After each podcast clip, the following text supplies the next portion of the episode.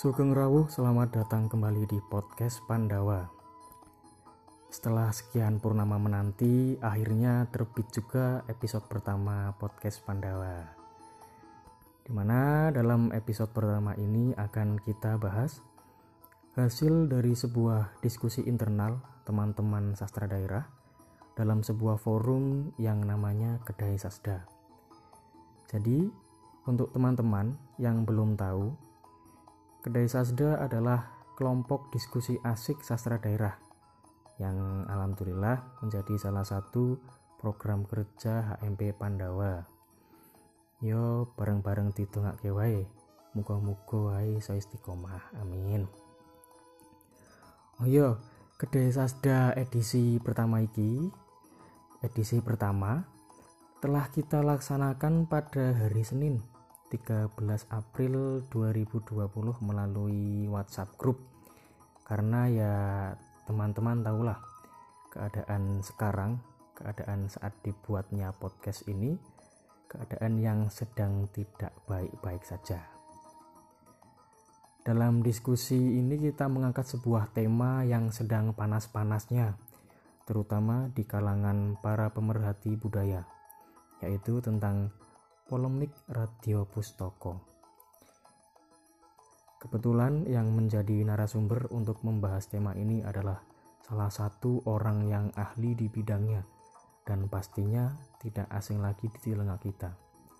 Beliau adalah Mas Rendra Agusta atau Kang Rendra. Selain menjadi founder dari komunitas Rada Salah, beliau juga menjadi cantrik di Kapustakan Radio Pustoko. Jadi sedikit banyak tahulah tentang radio Pustoko dan segala macam dialektika yang terjadi di dalamnya. Ya wis langsung wae kanggone konco-konco berikut pemaparan materi dari Mas Rendra mengenai radio Pustoko. Monggo Mas Rendra.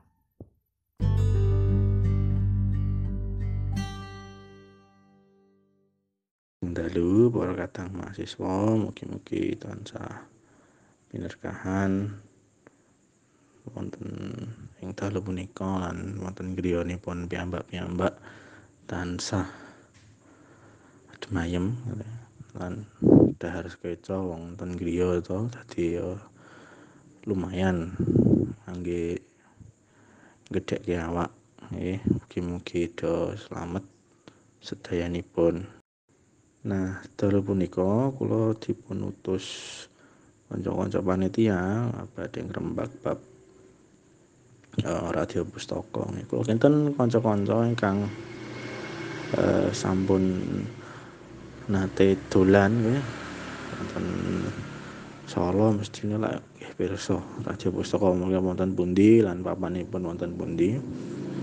Nah wonten ugi ingkang lari-lari ingkang sampun sak semester punika sak mestine rak nggih sampun dolan-dolan lah mbok menawa pas dolan punika lewat museum nah ing dalu punika kula badhe mboten badhe marahi napa-napa nggih awit saking jubluke kula. Nah kula badhe nggih sinau bareng nggih sinau bareng lan ngeling-eling janjane rada pustaka punika napa lan sapa lan uh, wonten gunanipun kangge mahasiswa menika napa? Dadi punika ingkang badhe kula rembak ing dalu punika. Nah raja pustaka punika eh, yasanipun Kanjeng Sunan ya Sunan Pakubono kaping 9 ya. Songo lan punika ingkang gadahi krentek punika eh, Kiai Patih nggih Raden Adipati Sosro sekawan nah, punika patih dalem wiwit uh, Kanjeng Susunan Pakubono Songo dumugi Pakubono 10 nah punika uh, museum dipunwiwiti wonten ing dalam kepatian ya, wonten ing dalam kepatian nah dalam kepatian punika sakniki wonten ing ini nggih mlebet nggih. Uh, widuran. Seperti apotek Melawai menika nek saking kampus Wanengen nah menika mangke wonten uh, kepatihan.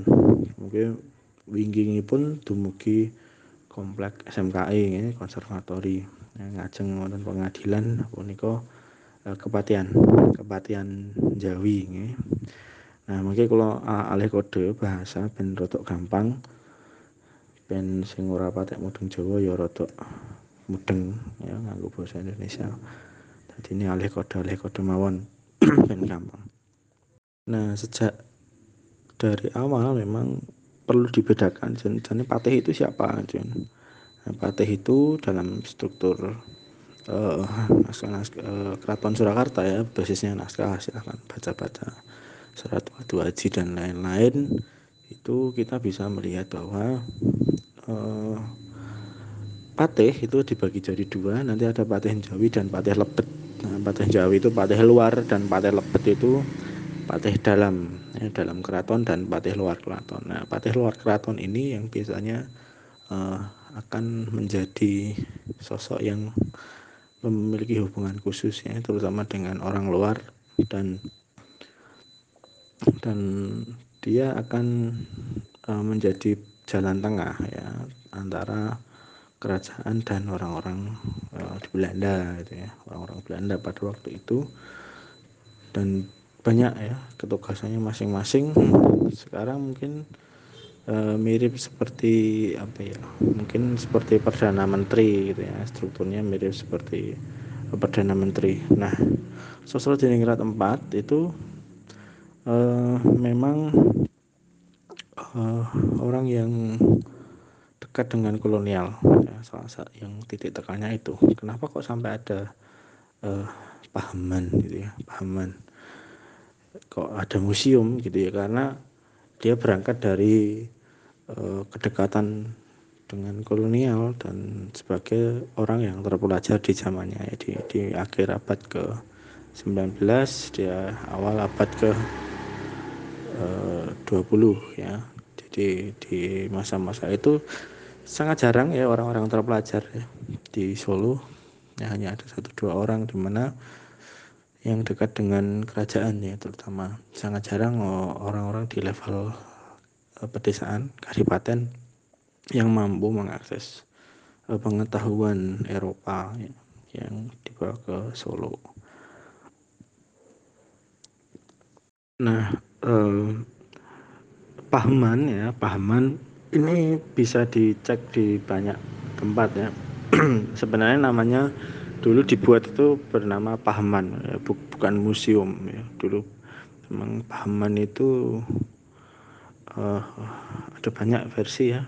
Banyak banyak versi Pahaman itu memang uh, sebuah tempat yang digunakan untuk uh, diskusi bersama atau berbicara bersama ngobrolkan sesuatu perannya di Indonesia sekarang mungkin ya mungkin itu seperti lembaga ilmu pengetahuan Indonesia. Jadi kumpulannya peneliti-peneliti negara ya pada waktu itu berkumpul dan dia bergabung dalam Pahaman ya, Radio Pustoko. Pada waktu itu tempatnya di uh, Kepatihan.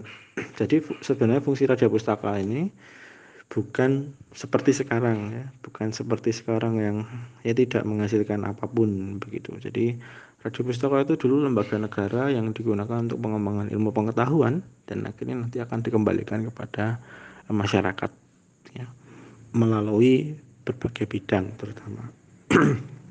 Cuma memang uh, memang uh, secara khusus pahaman Radio Pustaka akan uh, banyak berbicara tentang kebudayaan ya. Kalau kita melihat uh, apa namanya melihat benda-benda arsip-arsip yang dihasilkan di sana kita akan menemukan uh, radio pustaka itu banyak mengkaji kebudayaan ya daripada emang studi-studi yang uh, barat pada umumnya misalkan studi militer studi militer studi kedokteran dan lain-lain uh, jarang ya. Arsip itu jarang ditemukan. Adapun beberapa arsip itu nanti akan ditemukan uh, di majalah ya. Hanya sekelebat dan tidak banyak tidak banyak ditemukan gitu. jadi eh, secara khusus memang radio pustaka nanti pada akhirnya ya pada akhirnya lebih akan fokus pada ruang-ruang kebudayaan ya. dia akan mengoleksi banyak-banyak hal gitu ya. Terutama naskah kemudian uh, arca kemudian batik wayang gamelan dan lain-lain. Kemudian uh, koleksi koleksi radio pustaka ini cukup banyak ya. Dia sampai hari ini mungkin kita bisa temukan ratusan arca kemudian ada beberapa pusaka satu perangkat gamelan wayang kemudian naskah kemudian buku-buku kemudian prasasti ya, bangunan dan lain-lain. Itu banyak sekali dan itu dikumpulkan. Titik pen titik pentingnya adalah radio pustaka ini dia memang uh, adalah ruang ya ruang-ruang pembelajaran yang yang dia akan sesama gitu kerjasama dari berbagai pihak. Ya dulu memang ada memang beberapa beberapa koleksi itu memang koleksi keraton dan koleksi kepatian tetapi tidak sedikit juga ya. Itu memang punya negara ya negara negara Surakarta pada waktu itu.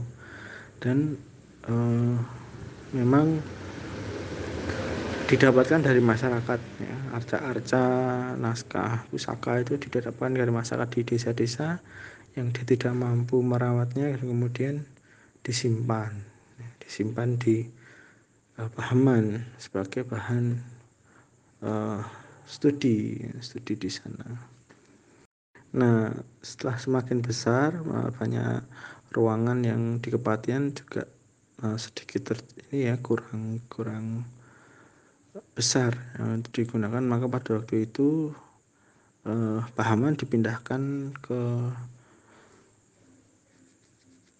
tempat yang sekarang ya. Tempat yang sekarang itu dulu adalah rumah seorang Belanda namanya Johannes Buslar dan di situ dibeli ya. Di Pustoko dibeli uh, oleh perwakilan ya dari keraton dan digunakan sampai sekarang ya dari tahun 1913 sampai dengan sekarang maka Pahaman Radio Pustoko uh, ada di tempat yang hari ini. Jadi nah itu ada banyak ya. Jadi tokoh-tokoh yang uh, berpengaruh di balik layar itu tentunya Selain sosok Diningrat, kemudian berikutnya Raja Pustoko dipimpin oleh Raden Tumenggung Jaya Diningrat II. Nah, kemudian tahun 1905 sampai dengan 1914 itu dipimpin oleh Raden Tumenggung Jaya Negoro. Kemudian 14 sampai tahun 1926 dipimpin oleh uh, Raden Tumenggung Waryaningrat atau kemudian 26 sampai 69 itu dipimpin oleh uh, Panembana Diwijoyo ya. Nah, Panembana Diwijoyo sampai tahun 69 setelah itu uh, tahun 69 sampai masa krisis ya masa krisis di Indonesia itu akan dipimpin oleh Kanjeng Raden Tumenggung Harjonegoro ya atau Godeswan. Nah, di situ setelah uh, memasuki masa-masa sulit ya rumit uh, maka ada pustoko akhirnya sekarang di bawah di, di di bawah pengawasan dinas kebudayaan di UPT Museum Surakarta. Nah, uh, dari flyer itu kita bisa lihat ya, jadi urutan-urutan sangat panjang memang Eh, gugatan tentang radio pustaka itu dimulai tahun 1970 ya, oleh Alis Aliwaris uh, Wera Diningrat. Nah, Wera Diningrat ini siapa sih Wera Diningrat begitu ya? Nah, Wera Diningrat ini memang keturunan ya, keturunan dari Patih Dalem ya, keturunan dari sosok Diningrat 4 dan sekaligus dia uh, menjadi pengurus ya, pengurus di Pahaman Radio Pustaka pada waktu itu. Nah, orang-orang ahli waris yang sekarang me, mengajukan gugatan itu sekarang sudah di posisi cucu ya rata-rata sudah cucu cucu dari Diningrat ya. Ada juga yang sudah cicit ini sudah sangat lama. Nah, gugatan itu dimulai kalau kita melihat angka tahunnya memang dimulai di era setelah meninggalnya Panembahan. Nah, jadi setelah Panembahan meninggal itu memang ahli waris mulai berani berani mengangkat bicara pada waktu itu. Nah, beberapa bukti uh, sudah ada di di berita yang saya bagikan ya. Itu nah, jadi memang ahli waris ini merasa merasa bahwa uh, pembelian pembelian pembelian ini merupakan uh, atas obsesi dari uh, ahli waris Diningrat jadi ini bukan negara pada pada uh, jelas-jelas kompleks Taman Sriwedari ya dengan segala macam kompleksnya ini memang dulunya kebun rojo itu kebun raja nah, seperti hmm, ubahnya kebun rojo ya kenapa nama Sriwedari ini juga sangat uh, kosmik pewayangan. Jadi kalau kawan-kawan pernah nonton wayang atau mendengarkan pagelaran wayang kulit tentang uh, bedol Taman Sriwedari nah ini akan tahu sebenarnya posisi Sriwedari itu seperti hanya kosmik wayang ya tempat untuk lelipur tempat untuk langan porojo dan lain-lain tempat untuk menghibur diri. Ya di situ ada banyak kesenian rakyat dan lain-lain. Nah fungsinya jelas fungsi sosial. Kalau kita lihat urutannya memang ada ini ya ada tarik ulur yang lumayan besar begitu. Ada banyak hal di mana dari tahun 70 sampai tahun 2020 itu ada uh, beberapa putusan-putusan ya, yang cukup mengagetkan bagi bagi kita ya orang-orang yang fokus pada studi kebudayaan karena uh, bersengklit ya. Jadi mulai dari pembongkaran pendopo sampai dengan ini uh, kemudian pengambil tanah Sriwedari dan macam-macam ya. Jadi konflik itu memang hari ini ahli waris memenangkannya di pengadilan begitu ya. Makanya uh, itu pun juga masih bisa ditinjau ulang karena Pak, Pak Wali Kota masih menemukan fakta baru masih terus berkembang dan kemudian untuk uh, penyelamatan akhir nah posisi terakhir uh, Radio Pustaka pada hari ini itu memang masih pada putusan final ya final versi pengadilan itu nanti barang-barang akan dikeluarkan. Ya dikeluarkan dari ada pustaka dan uh, harus dikosongkan dulu. Ya kompleks itu tadi harus dikosongkan dulu. Nah itu putusan uh, dari pengadilan negeri Solo.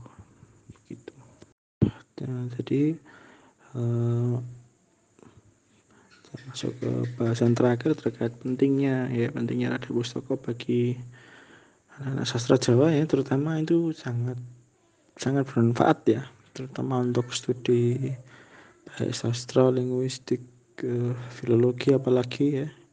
Dan studi kebudayaan saya pikir kita akan selalu membutuhkan radio pustaka karena sebagai uh, satu dari ya tiga poros pusat uh, kebudayaan yang ada di Surakarta.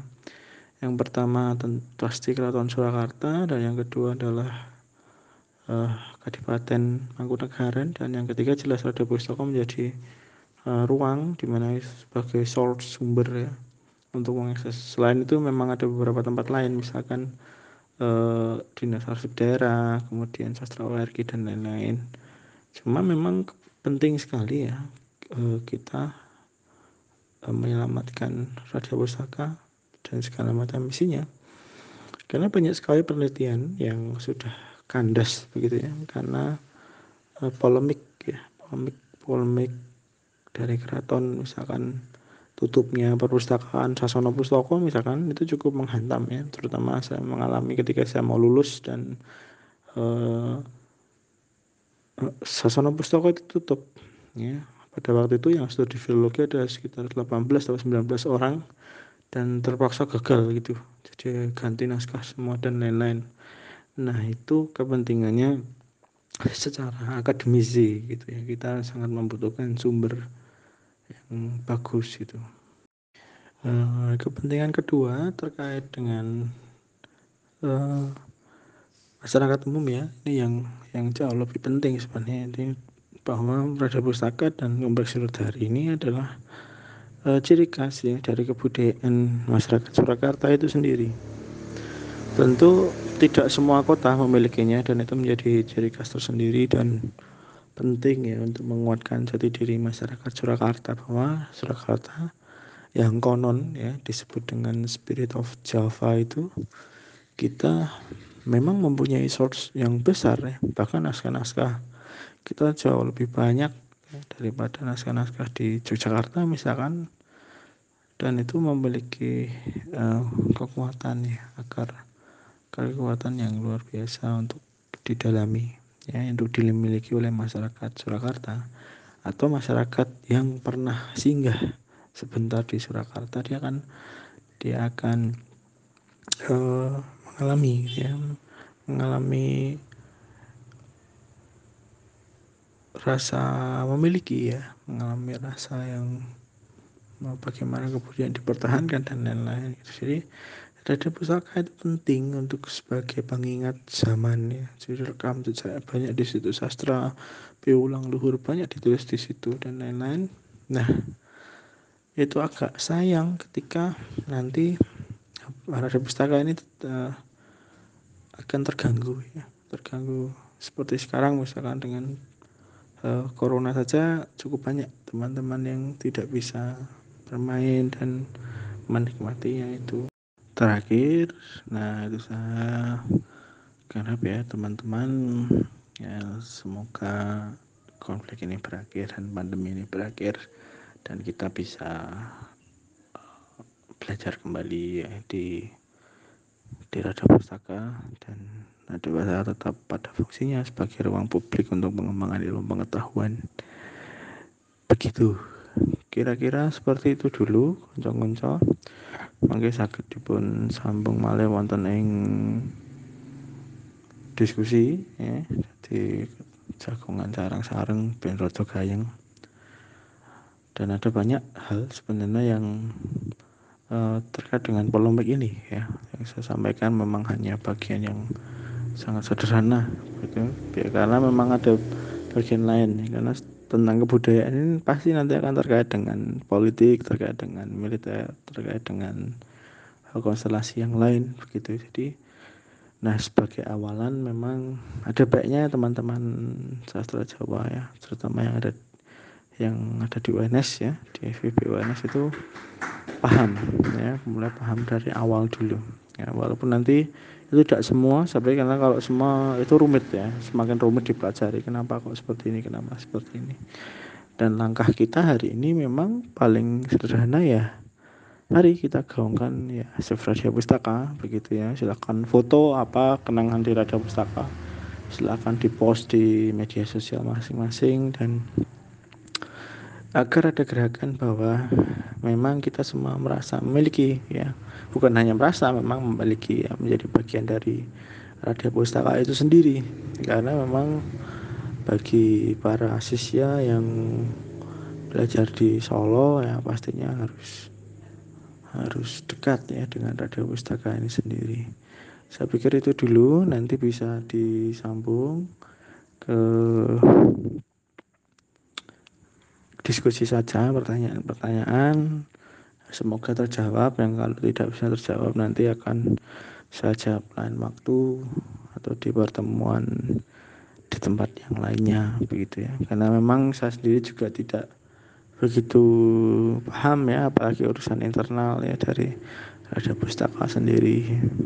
Jadi saya hanya cantrik ya, cantrik terbatas pada ruang naskah saja yang ngurip-nguripi gitu ya ngurip-nguripi Raja Pustaka itu sendiri.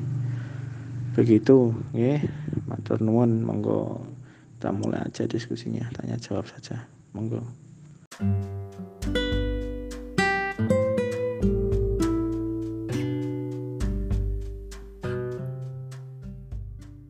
Demikian pemaparan materi dari Mas Rindra Agusta mengenai radio Pustoko. Untuk selanjutnya di sesi tanya jawab akan kami terbitkan dalam podcast episode selanjutnya.